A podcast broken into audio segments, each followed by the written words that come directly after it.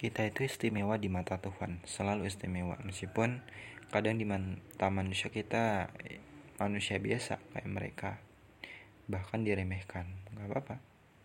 Karena yang tahu seutuhnya adalah Tuhan. Manusia itu cuma lihat permukaannya, cuma lihat fisik luarnya aja. Mereka nggak pernah tahu apa yang ada di dalam pikiran seseorang.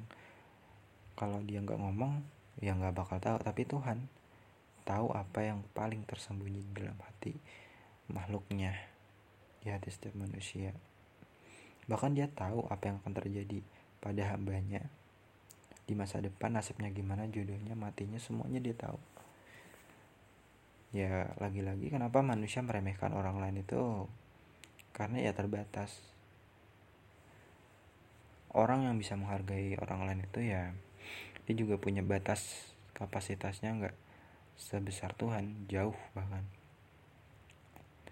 Tapi it's okay itu buat kita lebih dekat aja sama Tuhan dan gak usah berharap sama manusia. Kita kalau dibenci sama manusia kenapa? Cuma manusia yang benci setan jin malaikat nggak benci kita bahkan Tuhan nggak akan benci kita. Kita kalau disukai manusia ya suka manusia aja gitu. Jadi apa yang perlu kita takutkan. Semuanya udah jelas, jodoh udah pasti. Tinggal nunggu, tinggal kita jemput dia. Mati udah pasti, tinggal nunggu kapan. Rezeki ada aja, yang penting kita mau berusaha gitu.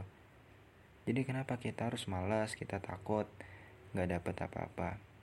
Justru kalau kita nggak melakukan apa-apa, kita yang nggak akan dapat apa pun. Jodoh yang nggak datang, rezeki nggak datang, mati pasti. Dan usia kita di dunia ini cuma sebentar loh.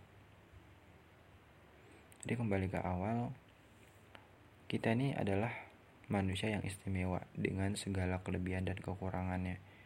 Bayangkan kalau manusia itu kelebihan aja semuanya. Justru itu menjadi kekurangan dia. Karena apa? Dia merasa insecure dia merasa nggak pede sama kelebihannya. Tapi juga nggak baik kalau manusia isinya kekurangan terus Tuhan itu udah seimbang menciptakan kelebihan, kekurangan plus minus, ya kan? Ada orang yang hartanya banyak, tapi kurangnya dia nggak bisa gunain harta itu dan jadinya miskin. Di sisi lain ada orang yang miskin, tapi kelebihannya adalah dia mampu mencari uang, akhirnya cukup untuk memenuhi kebutuhan hidupnya. Dan ada banyak jenis manusia di dunia ini beragam sifat dan wataknya. Dan itu membuat hidup ini menjadi indah hidup kita menjadi lebih indah gitu loh. Terlepas dari siapa kita dari mana kita keturunannya apa suku apa itu nggak penting.